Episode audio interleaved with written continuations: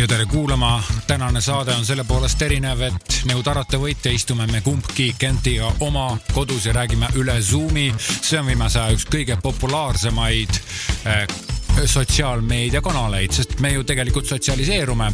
aga nagu te tähele panete, kui te seda episoodi kuulate, siis aru saada pole mitte midagi. et me istuksime kusagil eraldi, me räägime nii nagu ikka. Ja see on ainult ühel põhjusel, me oleme lihtsalt niivõrd head saatejuhid ja niimoodi teineteisega koos juba harjunud saadet tegema. Ja tänase saate nimi on loomulikult Mida hekki see tunne ma usun, on ka paljudel teistel, mitte ainult meil. head kuulamist.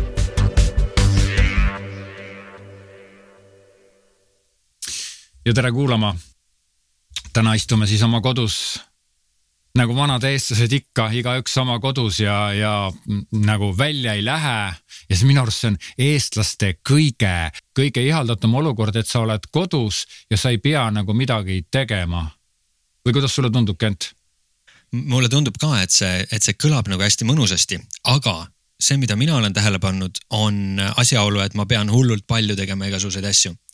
et ma ütleks, et ma pean tegema rohkem asju kui varem. mida, mida mm. näiteks mm.? no näiteks praegu ma seisan, nii kohe kirjeldan. esiteks ähm, praegu ma istun siin, kuna teil videopilti ei ole, siis te ei tea, et mul on seljas särk, et maailma parim issi. nii, äh, mis on mulle muidugi mitut pidi väga, väga oluline asi aga tavaliselt ma sain mm, töö juures olla päris palju mm, maailma parim reklaamikuru. ja, ja muul ajal rohkem äh, maailma parim missi. nüüd ma pean kõik olema korraga. et näiteks äh, tegema tööd ja samal ajal olema õpetaja. õpetaja siis äh, oma esimeses klassis käiva tütrele, kes on loomulikult nagu kõik Eestimaa lapsed koduõppele nüüd suunatud. mind äh, ajab selline noh, natukene nagu isegi naerma mm, see, kuidas ma näen noh, näiteks televisioonis ja, ja, ja meedias üldse, noh kuidagi püütakse inimesi lohutada, et nüüd teil on nii igav ja mõtleme välja mingeid mänge, mida te võiksite teha ja, ja antakse nõu, kuidas sisustada oma vaba aega. ja mul on vaba aega vähem kui kunagi varem, ma olen kogu aeg rakkes ja kütkeis ja kogu aeg töötan ja, ja, ja, ja noh, nagunii, kui mul noh sageli, sageli tegin ka õhtusemal ajal natuke mingisuguseid tööasju, siis nüüd kuidagi puudub üleüldse mingisugune barjäär töise ja, ja muu elu vahel. Ehk et kõik on korraga, korraga ma õpetan lapsi, korraga ma eh, teen tööd, korraga ma vastan mingitele mis iganes äh, nõudmistele veel.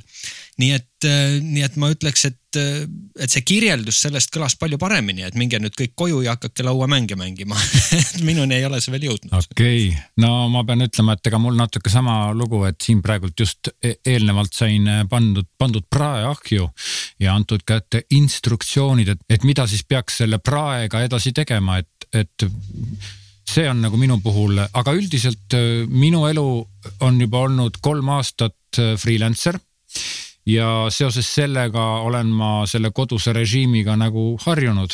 minu jaoks kehtib see pilt, et, et äh, enne koroonat ja koroona ajal ja ma täpselt samamoodi ikka istun sama laua taga ja teen nagu samu asju mm. -hmm, just, et sul ilmselt siis see muudatus on väiksem, aga ma arvan, et väga paljud nüüd selle kriisi ajal, mis muuseas on koroona, mitte koroonakriis. koroona. Äh, õpivad, õpivad, õpivad ümber mm, kõik oma, oma nagu sellised tavapärased harjumused, kaasa arvatud see, et ma arvan, et väga paljud peale selle kriisi lõppu jäävad tegelikult koju tööle, sest väga paljudes ametites tõepoolest nad näevad, et see hoiab aega kokku ja kui sa ei pea samal ajal koolitama lapsi, et nad on päriselt äh, koolis samal ajal, siis on täiesti võimalik teha tööd ja mitmeid asju produktiivsemalt kui kontoris.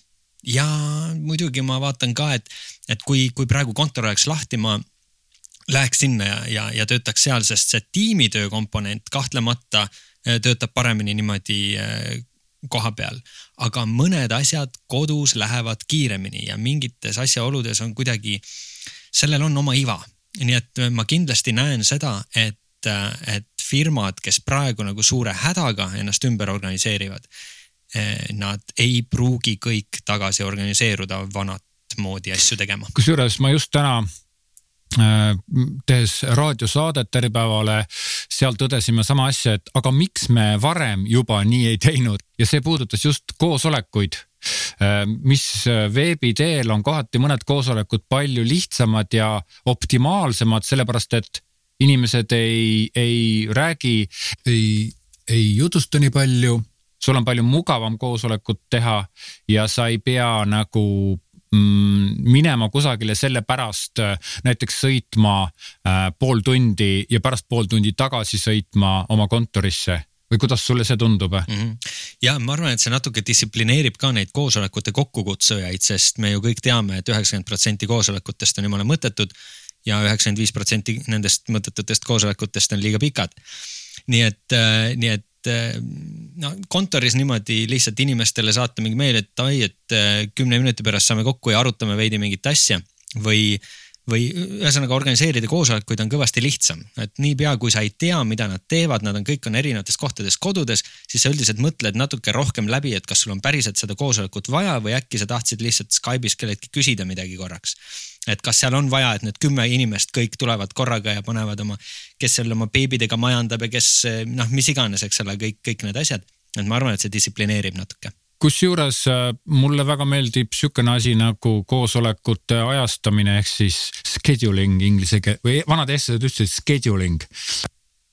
Et sa nagu ajastad oma koosoleku ära, kõik tulevad täpselt sellel hetkel arvuti taha, räägivad jutud ära ja mm, lähevad minema ja small talk öö, osa on muideks palju väiksem minu meelest, aga ma ei ole ju kõikidel koosolekutel olnud Eh, just, et, ähm, et täpselt nii ta on ja ma arvan, et siin on seesama, seesama efekt jälle, et, et noh, kui sul nüüd on seal ekraani peal mingi kümme inimest ja sa näed, et noh, et keegi seal kügeleb minema, kellelgi laps runib, ronib parasjagu peas.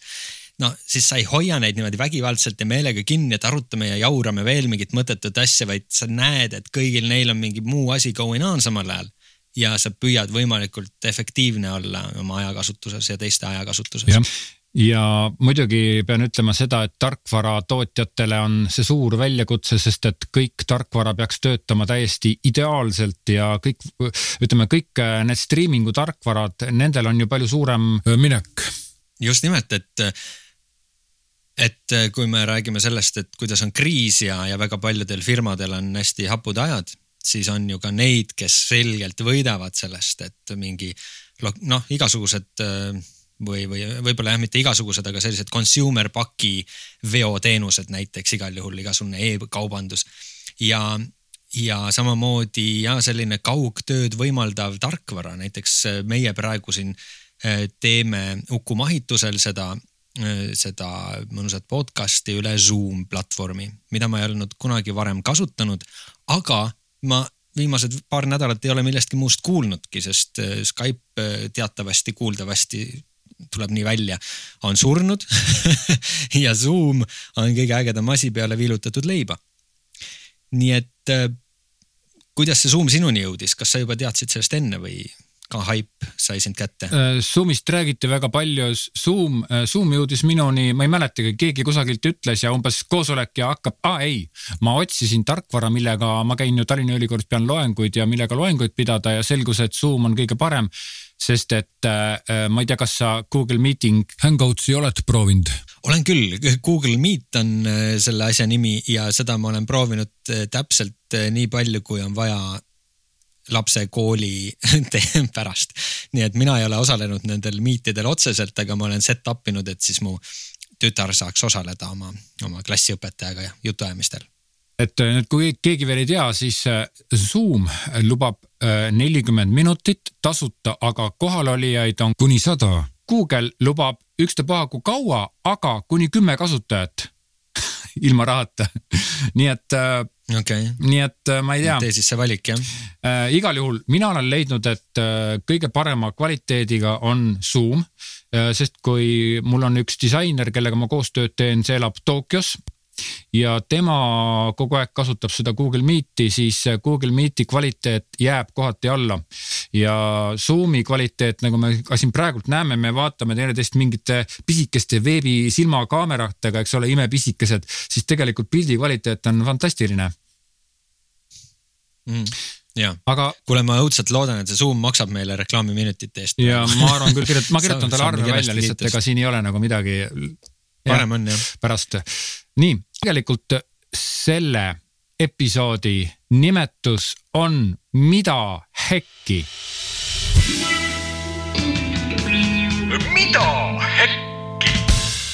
Ja me tahtsime seda Mida hekki episoodi teha just nimelt sellepärast, et alles natuke aega tagasi ei teadnud mitte keegi ööd ega mütsi mitte millestki mitte midagi ja nüüd elame juba natuke teistsugust rütmi, teistsugust aega, teistsugust tarkvara, teistsugust töökorraldust.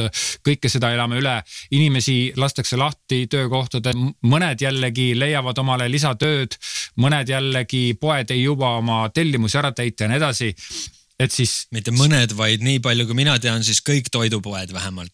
sest äh, ainus võimalus, nüüd ma räägin muidugi sellise äh, avaliku saladuse välja, et ainus võimalus saada endale tellida mingit toidukraami on öösel kell kaksteist null üks. et siis täpselt äh, avaneb see järgmine päev täielikult on koomas kogu see süsteem muidugi sel ajal, nii et, nii et noh, lihtsalt süsteem ei pea vastu inimeste tulvale, sest nagu ma ütlesin, see on avalik saladus, ilmselt kõik on selle ära nuputanud välja nuputanud.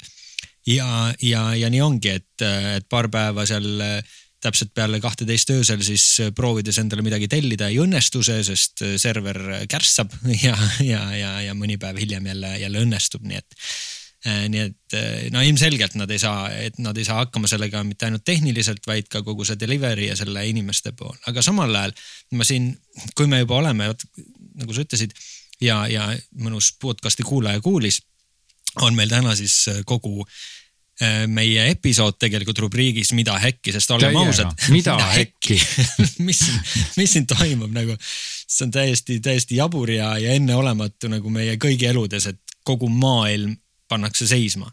reaalselt, mul on äh, samamoodi rahvusvahelised ähm, äripartnerid ja, ja siin ka viimasel, viimastel päevadel suheldes äh, Pakistani, Austraalia, Nigeeria, noh ammugi mingite Euroopa riikidega. Nad kõik istuvad freaking kodus.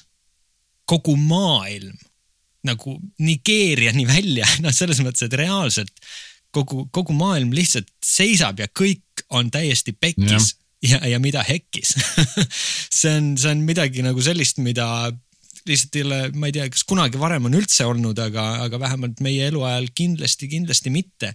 et kõiki mõjutab selline nähtamatu vaenlane ja võib-olla see siis pärast ühendab meid kõiki niimoodi, nagu ma olen alati mõelnud, et, et kõige kiirem viis saada kõikidel riikidel omavahel sõbraks on see, kui tuleks mingi tulnukate rünnak.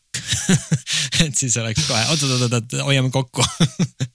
Et mingit, mingit välist vaenlast on vaja, mis praegu siis on see vaene koroonaviirus meil aga ma tahtsin veel mainida seda, et ma rääkisin just e-kaubandusest ja et kui ma nüüd tellisin endale viimati Prismast terve hulga toidukraami, läksin sellele ise sinna pick-up point'i järele, siis eh, tuldi mind rõõmsalt sinna tervitama mingisugune viiekesi. Nad kõik hoidsid eh, umbes neljakümne sentimeetrist vahet. Eh, ei kandnud ei midagi näo ees, suu ees ega ka kummikindaid ja kärutasid ja andsid üksteisele üle neid toidukotte, mis siis mina viisakalt ootasin, et nad lahkuks sealt perroonilt, enne kui ma ise sinna mm, noh, tulin neid võtma. samal ajal kui ma nägin, et enne mind keegi läks sinna rahulikult neid tervitama ja võttis sealsamas enam-vähem käteldes eh, selle kauba üle et ma õudselt tahaks loota, et kui ma midagi tellin, siis, et ma ei too endale läbi selle lihtsalt koju mingisugust äh, nähtamatut vainlast. Et, et ma väga-väga sooviks, et, et inimesed, kes praegu valmistavad äh, toitu erinevates äh, delivery kohtadest, kus sa saad endale süüa tellida või inimesed, kes pakivad neid toidukaupu, et nad ikkagi võtavad päriselt äh, vastutust siin, mitte ainult enda ja oma kolleegide ees, vaid tegelikult tõesti kõik need tuhanded inimesed ja kümned tuhanded ja mis iganes, kes, kes praegu tellivad seda, seda kraami, nii et äh, jah, see on nagu, nagu mu ainus mure. muideks äh, ma ütlen siia vahele, et äh, sihukene pood nagu Fruit, Fruit, Fruit, Fruit Express, seal on aegu täiesti vabalt ja sealt. olen sealt tellinud seal ei pidavat olema nii suurt valikut, aga sealt äh, saab täiesti vabalt igasuguseid asju tellida, nii et proovige järgi, kes veel mm -hmm. proovinud ja muideks. ei, see oli ka täitsa, täitsa tore. uudiste. Viimaste uudiste alla kuulub ka veel see, et Dirhami sadam tegi, tegi omale mm, praegusel ajal siis kümne minutiga e-poe. ta tegi niimoodi, et äh, pildistas kõik riiulid üles, väikene külapood, pildistas kõik riiulid üles, pani selle Facebooki ja kirjutas alla, et noh, tahate, siis helistage. jah, that's it, eks ole. nii et äh, saab, saab küll, jah, täitsa E. aga saab jah, jah, jah, et see on, see on jah huvitav, et kuidas, kuidas kogu, kogu maailma kõiki valdkondi, mis vähegi võimalik, surutakse sinna digitaalsesse transformatsiooni ja ma arvan, et siin Eestil ongi nagu mingi täiesti noh, mitte päris unikaalne, aga, aga üks selliseid äh, unikaalsemaid positsioone, et meil reaalselt on tegelikult äh, riigiga suhtlus ja. kõik juba nagunii digitaalne, ärisuhtlus kõik väga kergelt digitaalne. ainult need asjad, mida sa päriselt peadki oma kätega kuskil, kuskil valmis ehitama ja komplekteerima ja need loomulikult nõuavad sellist äh, füüsilist kohalolu. aga lihtsalt see valmisolek kõike nagu päevapealt teha distantsilt, no ma ei teagi riiki, kus, kus see sellisel tasemel oleks võimalik. et tänu just sellele riigi e, e-riigi süsteemidele. et väga-väga võimas ja, ja tänu sellele nii valuline ja õudne ja katastroofiline, kui see olukord äh, ka siin Eesti jaoks on, siis ta. Ja. võiks olla nii palju hullem. kuidas sulle üleüldse tundub, kas ettevõtted on äh, reageerinud oma turundustegevusega sellele eriolukorrale, mitte kriisile, aga eriolukorrale nagu pädevalt või vastavalt või öö, näed sa midagi, mis on nagu täiega lohakill? ma arvan, et nad oma teadmiste piires reageerivad enam-vähem adekvaatselt, et tegelikult on siin äh, sisuliselt kaks võimalikku käitumist, mida ma olen näinud. üks on teha nägu, et midagi pole juhtunud. ja teine on äh, teha nägu, et nüüd on kõik pekkis ja, ja noh, nüüd on nagu kõik pekkis. ehk et nüüd on nagu null reklaami edaspidi mõttekas teha ja nii edasi et äh, sellist vahepealset ei ole veel silma jäänud mm, -hmm. on nagu selge mm, ma isegi ei ütleks ülereageerimine, sest olukord on nii hull, et siia peabki nagu reageerima nagu kõvasti sellele, aga sa pead aru saama, mis see olukord on ja see, see ja mis võimalused selles peituvad ja nii edasi. et näiteks äh, võimalustest rääkides, siis äh, meediahinnad on sulle hakanud silma, mis nendega toimub. Need, eks ole, just Teiega. kutsuvad, kutsuvad ju reklaami tegema, et, et tegelikult see olukord ongi selline, et äh, tarbija poolt vaadates mingisugused äh, noh, sellised äh, lihtsad tavalised äh, a la toidukaubad ja nii edasi, noh, need ju lähevad nagu sõna otseses mõttes soe sai. aga, aga, aga sellised kallimad ostud, no nendega praegu ju mõistetavalt oodatakse, eks et inimene ei tea, kas tal töökoht on veel järgmine kuu, ta ei tea, kui kaua see kriis reaalselt kestab, sest keegi ei tea, kas see on kuu või see on aasta või, või mis asi, mis see on üldse, mis sellest tuleb. et selline ettevaatus, nii, aga mida nüüd äh, sellise kallima või suuremate ostudega mm, mm, pakkuja siis äh, selline ettevõte äh, et suur viga on siin nagu lihtsalt sellelt turult tagasi tõmmata, müügid kindlasti selgelt ja kolinal kukuvad, aga see on see hetk, kus inimesed tegelikult saavad unistada asjadest, kus nad endiselt mõtlevad, mis võiks olla nende järgmine telekas, okei okay,, ma võib-olla see kuu ei osta, praegu on nagu kahtlane värk. aga ma tahan selle välja valida, ta tahab te teha nendes, nendes suurtes öö, otsustes tegelikult oma need otsused juba peas ära ja niipea, kui see kriis saab läbi ja see tõesti nüüd loodetavasti ei ole mingi aasta pärast, mil noh, kogu majanduse nägu võib olla väga palju muutunud siis tegelikult siis ta hakkab rakendama seda, et kohe, kui tulevad esimesed märgid sellest, et olukord läheb paremaks, inimestele tekib julgus, optimism hinge ja siis kõik need asjad, mis neil on siin kuklas, mida nad on olnud ja mõelnud ja tahtnud, siis nad vabastavad selle raha. ja kes nüüd nagu selle aja maha mängib ja pildis ei ole, noh, neid ei ole lihtsalt inimese teadvuses sel hetkel, kui tal need rahakotirauad lahti lähevad, nii et see on aeg teha brändingut kindlasti, brändingut ja, ja loomulikult mõelda välja siis kontekstis sobivalt, kuidas enda, enda tooteid äh, siis pakkuda. aga jah, ma arvan, et ka see ei ole õige, nagu ma ütlesin, et kaks varianti on, et kas reageeritakse niimoodi noh, halastamatult äh, üle ja valesti. Et õige ei ole ka see, et lihtsalt ignoreerida seda, et sest see tõepoolest on, nagu me siin Ukuga räägime, tohutu suur ülemaailmne nagu jama, eks. nüüd on su küsimus selles, et kuidas sa siin olukorras optimeerid ja kuidas sa siit võitjana välja tuled, sest siit saab tegelikult võitjana välja tulla või siis võita selles samas olukorras. näiteks noh, tõesti mingid a la mingid maskitehased, kes enne oli selline non non-thing see ei olnud ei seksikas ega äge ega ilmselt ka mitte nagu ülemäära tasuv kuskil. nüüd on järsku kogu maailma huviorbiidis, kõik tahavad ainult maske, miljonid ja miljonid lendavad sinna nagu iga päev, et saaks ainult kuskilt mingeid maske. et mingid sellised sektorid, nii et eh, kes tegeleb sellise füüsilise toodanguga, siis võib-olla võiks mõelda, et okei okay,, et ärme siis praegu neid käpikuid natuke aega tee, vaid hakkame tegema neid maske. et siin on võimalused peidus paljude jaoks. jah, ma tooksin välja omalt poolt veel ühe käitumismustri, mida võiks rohkem rakendada ja see on äh, siis mitte see, et sa ei pea tingimata nagu turgu võitma ja, või siis sa ei pea pead liiva alla panema. aga sa võiksid lihtsalt äh, ettevõtjate poole pöördume siis jah, et sa võiks nagu lihtsalt anda teada, milline väikene liigutus sinu ettevõtte igapäevases töös on see, millega sa tuled vastu ja reageerid kriisile äh, ma toon siin siukse näite mm,. Adobe näiteks andis juulikuuni vist andis äh, võimaluse samat äh, litsentsi kasutada ka koduarvutites. ma ei mäleta, kuidas seda täpselt sõnastatud on ja mina Adobet ise ei kasuta muideks. aga äh, jällegi, see ei ole just suur vastutulek, aga ennem seda ei saanud, aga nüüd ta andis selle võimaluse, järelikult ma saan disainerina minna koju ja teha seal edasi nüüd teised on need, kes siis võiksid jällegi mingit ükstapuha, mis pisikese nii-öelda vastutulemise panna kusagile üles ja ütelda, aga meil on nüüd võimalik ka selline, meil on võimalik suhelda, vaata, ennem oli ainult nii, aga nüüd on meil võimalik suhelda ka naamoodi või siis, et meie teenustes on nagu selline, ma ei tea, võimalus. sihuke lugu, seda, seda, seda ma nagu väga hindan, kes tulevad oma pisikese muudatusega vastu mm. -hmm, mm -hmm. just ja mina kutsun seda tegema üles äh, esiteks samuti, aga lisaks pöörama tähelepanu sellele, et seda ei tehtaks sellise. Mm, et seda on võimalik teha ühesõnaga valesti, et ühtepidi noh, paljud näevad selles ka võimalust ju jah, niimoodi äri teha, et nimetada, riietada see asi selliseks nagu mingiks kuidagi abiks või vastutulekuks ja samal ajal sa näed, kuidas seal tegelikult on sihuke me,, meie ka oleme hästi praegu mures sellepärast mm -hmm. ja nüüd ostke meie mingit toodet. et, et seda saab lahendada nagu ilusasti ja viisakalt ja mõnusalt niimoodi, et sellest ongi kasu tõesti kriisisituatsioonis ja samal ajal ettevõttele loomulikult ka aga kui sealt paistab liiga halastamatult läbi selline, et, aa, et me tegelikult teeme seda sellepärast, et lihtsalt me nägime siin võimalust siis on, siis on äh, halb, see lihtsalt on selline halb, halb maitse. ma, ma toon ühe väikese näite. Eestis on olemas omad alkoholitootjad.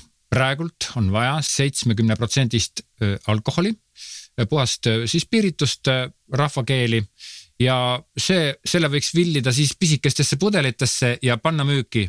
mis sa sinna peale kirjutad, brändid, nimed, vahet pole. aga see on ju selge, et seda praegult kõik ju tahavad ja ootavad ja nendest ainetest on, on turul just täpselt puudus.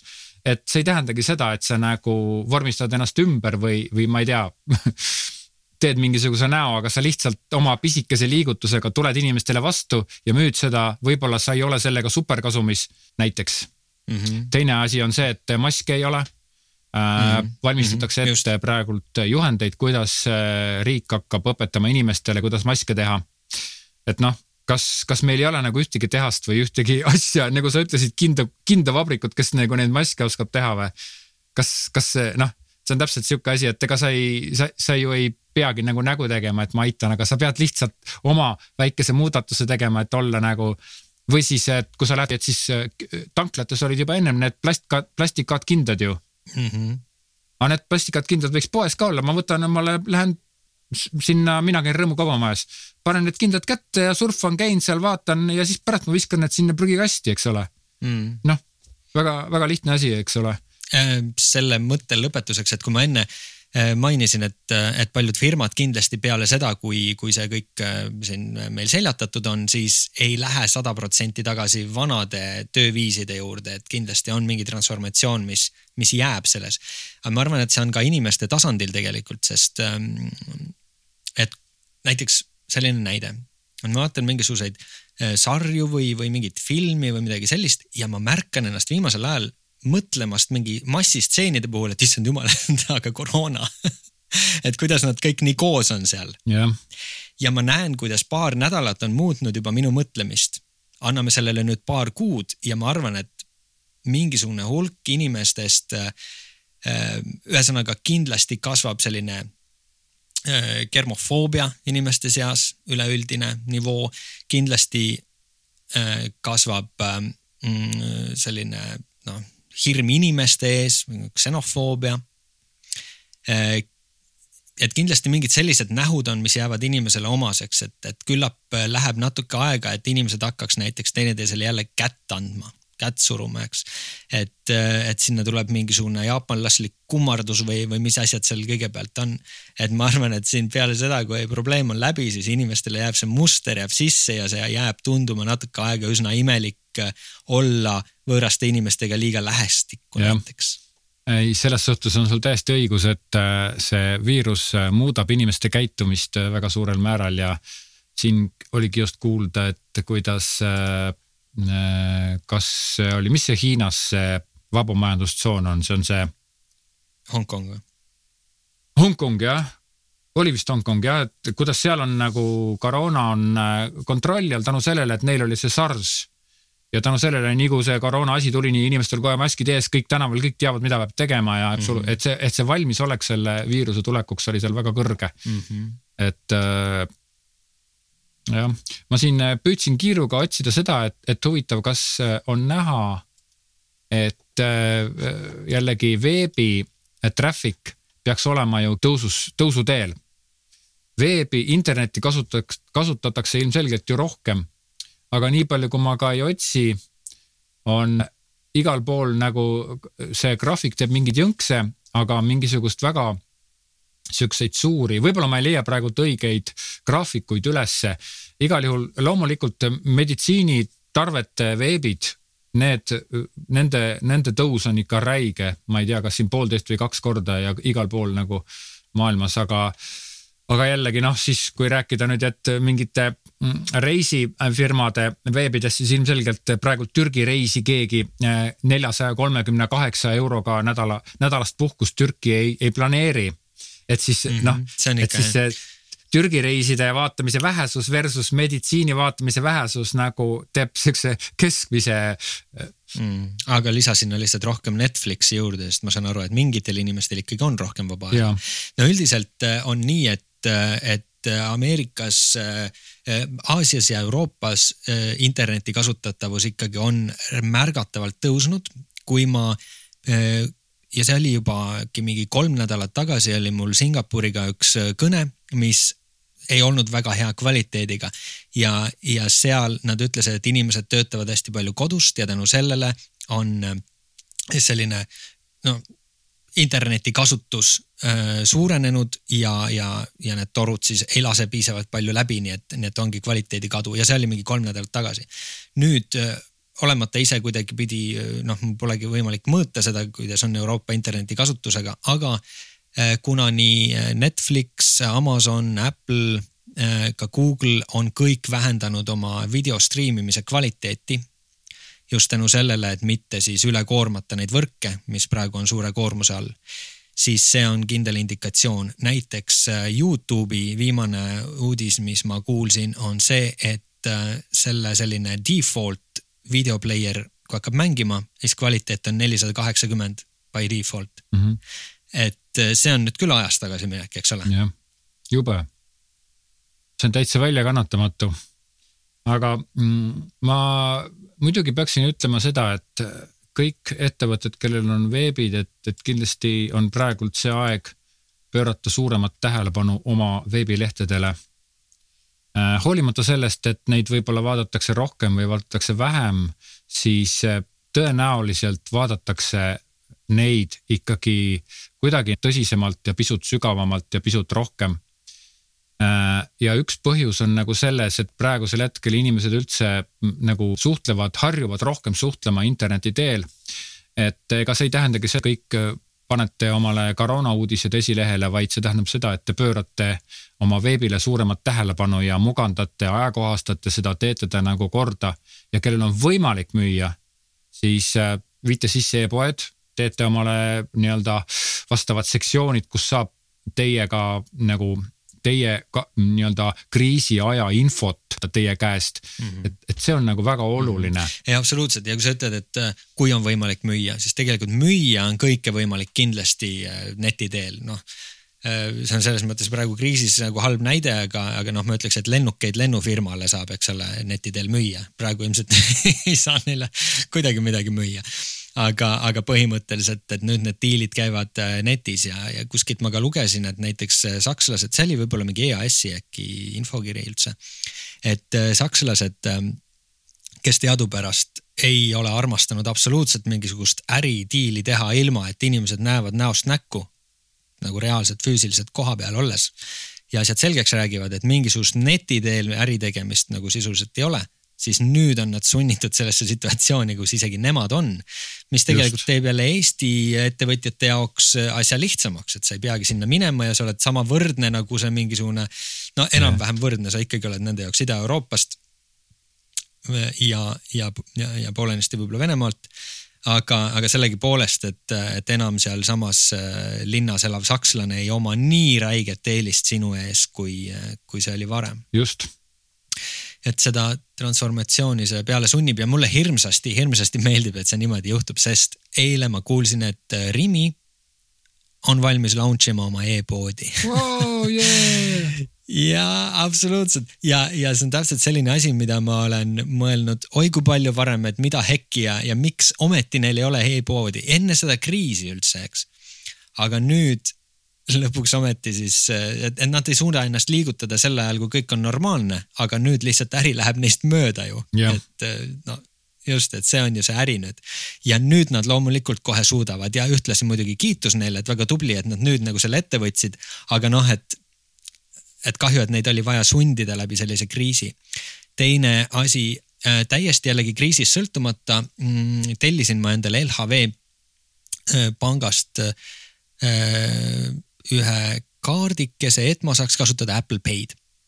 nii, ehk siis kontaktivaba seda makset oma, oma telefoniga, nii. Äh, tellisin kaardikese, sest minu äh, pangakaart, äh, mu tavaline pangakaart ei olnud üldse selle noh, kiibiga, et ta võimaldaks kontaktivabalt maksta. NFC kiibita või mis seal sees on, nii, nii, niisiis sain endale selle Apple Pay, seda minu kodupangas SEB-s ei pakutud nii et ma võtsin LHV-st, kus mul lihtsalt on lisakonto, nii, sain nüüd selle kätte, nüüd tuli see koroonakriis ja ma olen lihtsalt nii õnnelik, et ma ei pea katsuma neid PIN-koodi nuppe. mis tähendab ju, et ma ei kasuta SEB kaarti enam, ma kasutan nüüd seda LHV läbi oma, oma selle telefoni. et jälle olukord, mis tundub sundivat äh, SEB-d siis äh, jalgu kõhu alt välja võtma ja välja mõtlema, kuidas, äh, kuidas saada omal ka need uued tehnoloogiad kasutusse, nii et nii et äh, eks see sunnib jah takka ja praegu mulle tundub, et äh, meie hüvanguks, inimeste hüvanguks. kusjuures see on väga-väga okei okay point ja ma selle peale ise ei ole tulnudki. et sa ju hakkad kasutama LHV-d ja sa hakkad sinna raha panema sinna panka ja sa hakkad kontot kasutama rohkem, noh mm, -hmm. mis kokkuvõttes tähendab ju tuhandete ja sadade ja miljardite eurode, no mitte küll sinu käest ja, aga noh, üleüldse on ju. ühesõnaga pappi tuleb on ju, pappi hakkab tulema, ei ole probleemi. ma tahtsin äh, tähelepanu juhtida ühele sektorile, kes on koolitajad, no ma ise, ma ei ole, ma ei pea ennast siukseks süvakoolitajaks aga ma olen ühte otsapidi selles business'is sees ja mm, siin on see, et mm, eriti mul on kahju nendest headest, vanadest, toredatest koolitajatest, vanemaealistest kellel on tegelikult kohutavalt suur kogemus ja kes oskavad jube hästi kas coach ida või koolitada. Ja nüüd nad peavad siis hakkama seda va interneedust, eks ole, katsetama ja proovima ja tegema ja aru saama, kuidas see kõik töötab ja miks ta on ja kuhu ta käib, kuhu see tuleb pista ja, ja kuhu, mis programmi ma nüüd pean võtma ja kust ma seda saan, et noh, see on nii.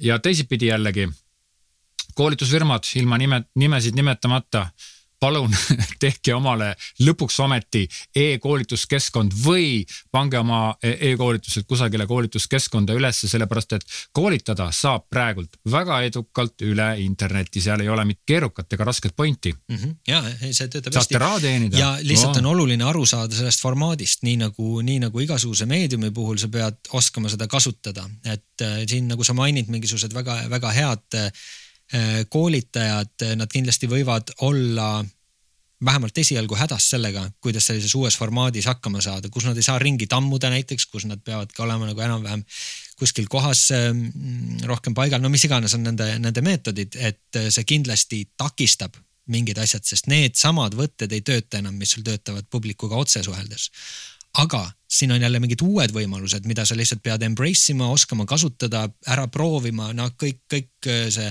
selline rikas meedia, mida sa saad siia lisada ja nii edasi ja vaheklipid ja värgid, no nii edasi, et. et, äh, et neid võimalusi lihtsalt tuleb mõista ja selle, selle läbi siis äh, toimetada just, üks selline väga kurb asi on, mis minu jaoks on väga kurb, on see, et millegipärast podcast'id on languses kogu maailmas ma ei saa aru, miks see niimoodi on või mis on inimestel häda, et. imelik, et ainult meie podcast on tõusuteel ja, ja, ja siis meil teised on, on languses, võib-olla see selle arvelt ongi. ma arvan, ongi ja inimesed lihtsalt kuulavad seda turujuttude podcast'i selle asemel, et minna midagi muud kuulama, eks ole. Äh, noh yeah., teised maailma juhtivaid tegijaid näiteks, eks ole, mis on muidugi meile hea, aga jällegi me tunneme ka kaasa. jah me oleme kaastundlikud empaatiavõimelised, et, et kuulake mm. teisi podcast'e ka ikka. aga noh ma siia, siia vahele pistaks siis kaks mõtet, et üks on see, et, et nagu Uku teab, ma kuulangi hästi palju äh, välismaiseid podcast'e ja seal on tavapärane pigem just see, et seda tehaksegi distantsilt, mitte koha peal, sest noh, Ameerika on suur ja lai ja seal need äh, no ei juhtu koos elama samas linnas tingimata. vahel on küll, et mõni on koha peal, kolm tükki on kuskil ja. distantsil ja nii edasi nii et, nii et selles mõttes on ta kogu aeg kasutuses olnud. meie jaoks on praegu esimest korda seda teha üle niimoodi äh, üle telesilla. ja ja ma pean ütlema, et äh, praegu tundub, et toimib väga hästi, ma ei tea, kas Uku pärast saab need kõik kokku lõigatud ja see kõik nagu reaalselt ka äh, toimib, aga ma mõtlen flow mõttes näiteks on mul tõesti tunne, et Uku istub mul siin vaata et süles ja. praegu nii lähedal, eks ole, et noh, tegelikult kõik toimib, ei ole sellist, äh, et nüüd, nüüd on kõik nagu teistmoodi ja et kas me, kas meil see saade, eks ole, tuleb sama hästi ja. välja. ei ole mingit probleemi muideks inimeste interneti käitumisse lisandub ka see, et nagu sa eelnevalt juba mainisid, et ei kätle, ei suudle. Eh, esimesel kohtumisel tavaliselt mingid Itaalia või eh, Euroopa inimesed on alati oi musi-musi, eks ole, paremale, vasakule põsele mm, -hmm. vaata nii nagu tehakse nüüd. aga ja. samamoodi lisandub ka see, et, et õpid, sa õpid nagu rääkima interneti teel. Uh -huh. et kui ennem seda võib-olla ei olnud nii, siis nüüd õpitakse seda tegema ja see on, see on inimeste käitumismaneer, mis lisandub nende nii-öelda käitumismudelite pagasisse või ma ei tea, kuidas seda niimoodi ilusasti ütelda mm. -hmm. aga ma imestan, et ei ole meile veel ütelnud härra äh, Zoom. Zoom, et meil on aeg läbi, sest et sulle, sul ei ole tulnud seda märki, mis on hea, järelikult me võime edasi rääkida täitsa vabalt. Tegelikult... ma ei näe sinu pilti ega kuule sinu häält juba viimased kümme minutit, et ma loodan, et see nagu on okei okay aa, ei ku-. ei, ja kõik on hästi, kõik on hästi kuulen ikka. ja äh, Zoom on õnneks selline, et äh, ta paneb inimeste ekraanidele, ütleme, kui mina näiteks olen host, ma olen selle koosoleku host, olen mm -hmm. nagu Pomo, noh, või sihuke, või no pealik või noh mm -hmm., direktor. siis ta paneb ka nende teiste ekraanidele, et teie koosolek hakkab Aa. lõppema peagi, et nii et noh, et aga ta näitab pilte edasi. kas teie pealik on nii rott, et on tasuta plaanil jah, see maksab kuusteist euri kuus muideks. et see pole üldsegi mitte nali ja lisaks. Toetage meid, toetage ja. meid, toetage kui, meid. kui kiire internet sul on muidu kodus praegult? Sada mega üles ja sada alla. ahaa, siis on, sest kohati sa teed sihukest nagu väga huvitavat, väga lahedat roboti häält sihuke ja siis sa nagu räägid edasi.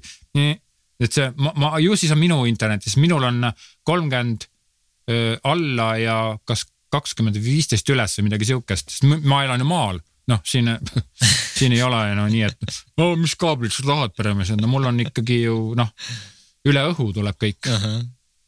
Uh -huh. Aga mul ei ole tavaline Bitid, asi üle.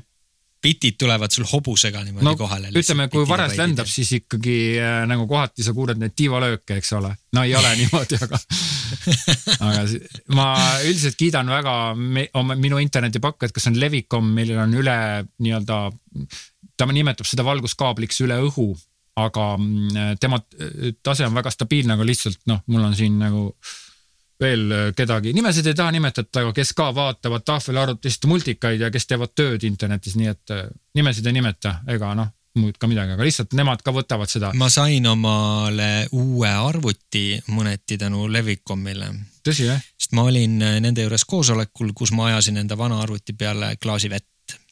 Damn it, aga nüüd on mul uus arvuti, mis on veel õhem. damn it, ma tahan ka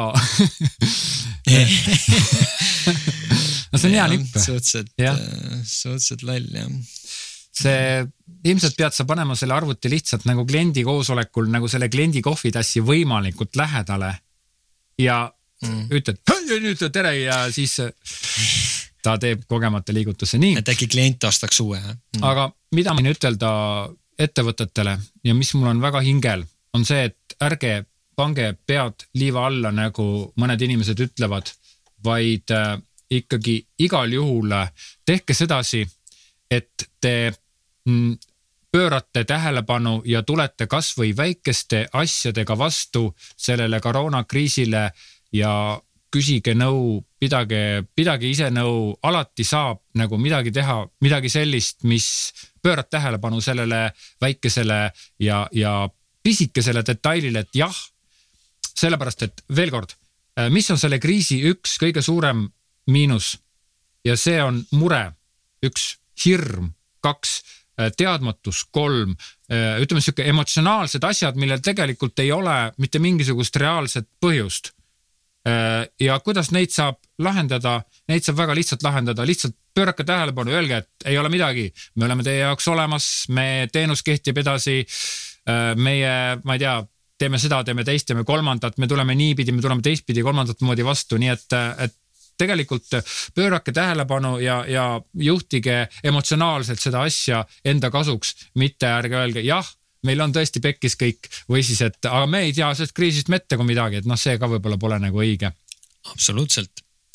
kas sul on Mida Hekki rubriigi jaoks ka eraldi Mida Hekki lugu või, või on see, kuna kogu meie saade on seekord Mida Hekki, siis kas sa juba jutustasid ära oma mure?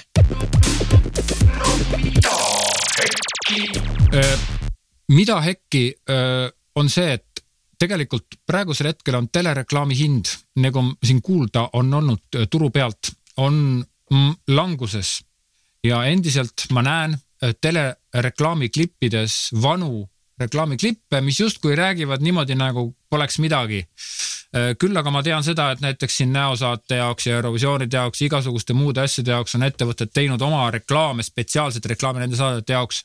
samamoodi võiks ettevõtted, kes nagunii teles teevad, teha midagi sellist, mis, kus on aru saada, et see ei ole see vana aeg enam, vaid praegult on uus aeg. et lihtsalt, kui te teete oma telereklaame, ettevõtted, et siis pöörake tähelepanu, et meil on praegult koroonakriis juba kolmandat nädalat vist jah. Sihuke väike tähelepanek ja see ongi mida hekki. just ja, ja üsna kindel võite olla, et see saab olema ka neljandat nädalat Jah. ehk et see ei ole nüüd praegu viimaseid Jah. päevi, et rahulikult kaevake ennast sisse ja võtke mugavad positsioonid ja näidake välja, et te saate aru, mis, mis toimub, aga telehinnad iseenesest on tõesti väga mõnusad, just äh, äh, siin äh, tunnike tagasi vaatasin ühte pakkumist, kus oli natukene üle üheksakümne protsendi soodustus äh, telekampaaniale. no no see on, see, see on nüüd see jah no see, see jah, üheksakümmend protsenti, see vist on sihuke must. oleks sul seal kaheksakümmend olnud, siis ma oleks vaadanud küll, et no mis pakkumine sulle nüüd tehti, kaheksakümmend on. just, täielik ülemaksmine jah, ja nii on. eks ta, eks ta ole. kas paljatame ajaloost ka? räägime ajaloost. kas sul on äh, mõni ajalooline fakt, mida sa tahad meiega jagada?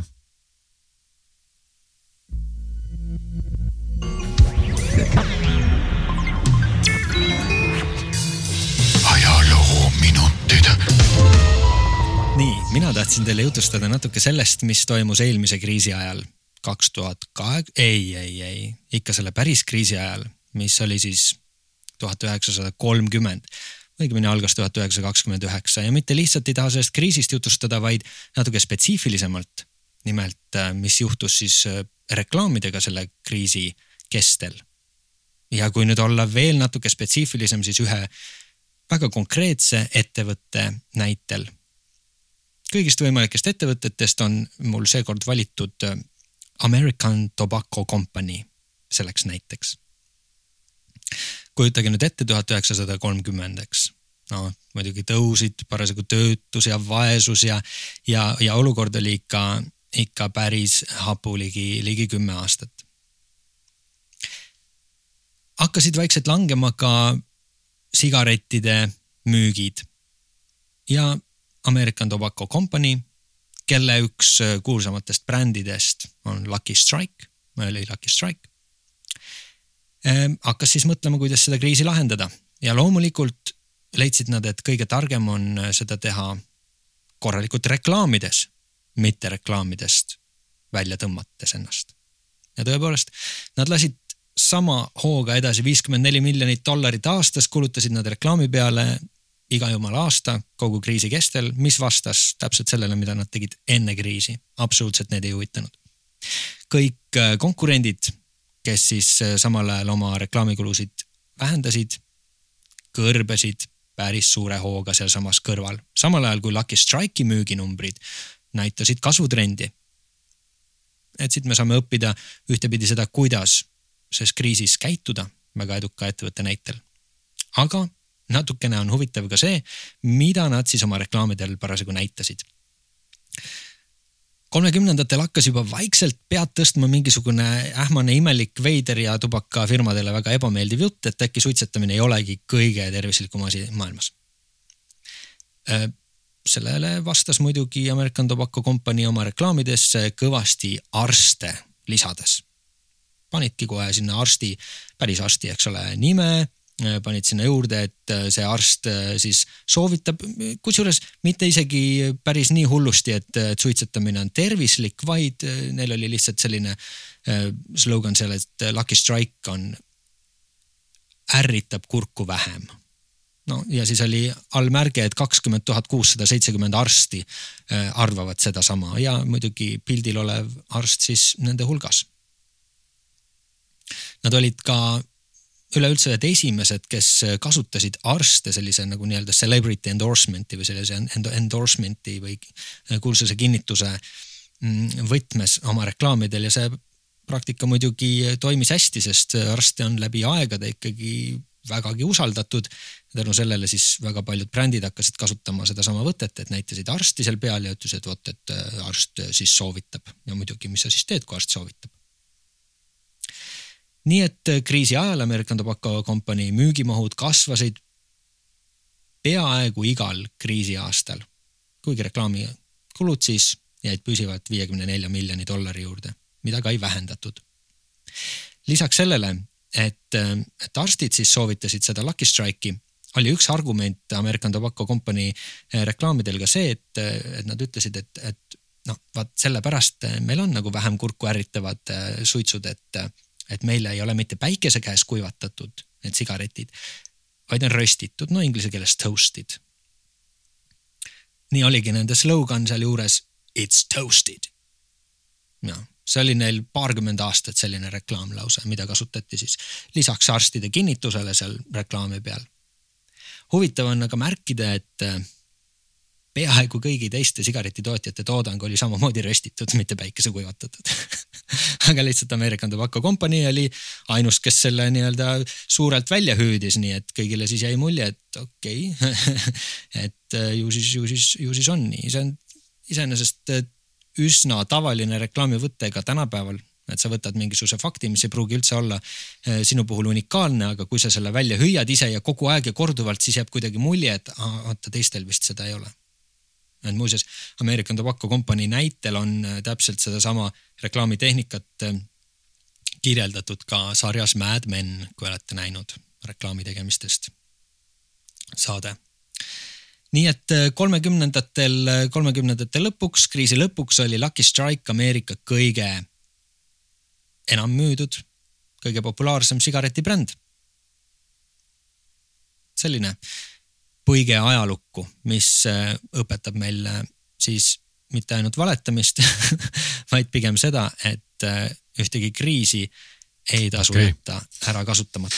see oli väga äge sest laias laastus on kõik äh, mehhanismid on äh, ju ikkagi samasugused, et kriis on ikkagi äh, sama hull, siin käitumise mustrid on ikka sama, sama hullud. ja küll, et sa enam sigarettidele ei tohi reklaami teha ammugi nii, et sul arst seda soovitab.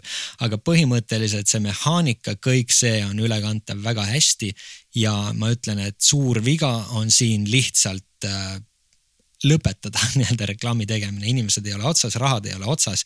lihtsalt need on kas hetkel nagu varjul, sa pead need nutikamalt kätte saama või siis valmistama ette turgu selle jaoks, et kui see nüüd ükskord on läbi, see kriis, siis kõik jookseksid tormi. aga nende sulle. kuldsete sõnadega tõmbame siis tänase episoodi kokku äh, me loodame teiega järgmine kord kohtuda ka juba pisut vilunumana veebioludes, veebiolusid arvestades ja seda ma arvan paari nädala pärast, kui mitte varem.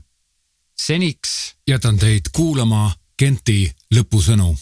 minu lõpusõnad on seekord õige, õige lühikesed, sest ma arvan, et sellest äh, ajaloolisest episoodist te saite kõik selle mõtte, mida me sisuliselt Ukuga tegelikult kogu selle saate ajal teile püüdsime selgeks teha, et äh, see on kriis, see on siin, aga see ei tähenda, et kogu maailm on läbi, vaid see tähendab, et te peate tegema asju natukene uutmoodi, nutikamalt ja võib-olla hoopis rohkem, mitte vähem. igal juhul püsige terved ja kuulake ja soovitage turujuttude episoodi. just. ka edasi. kohtumiseni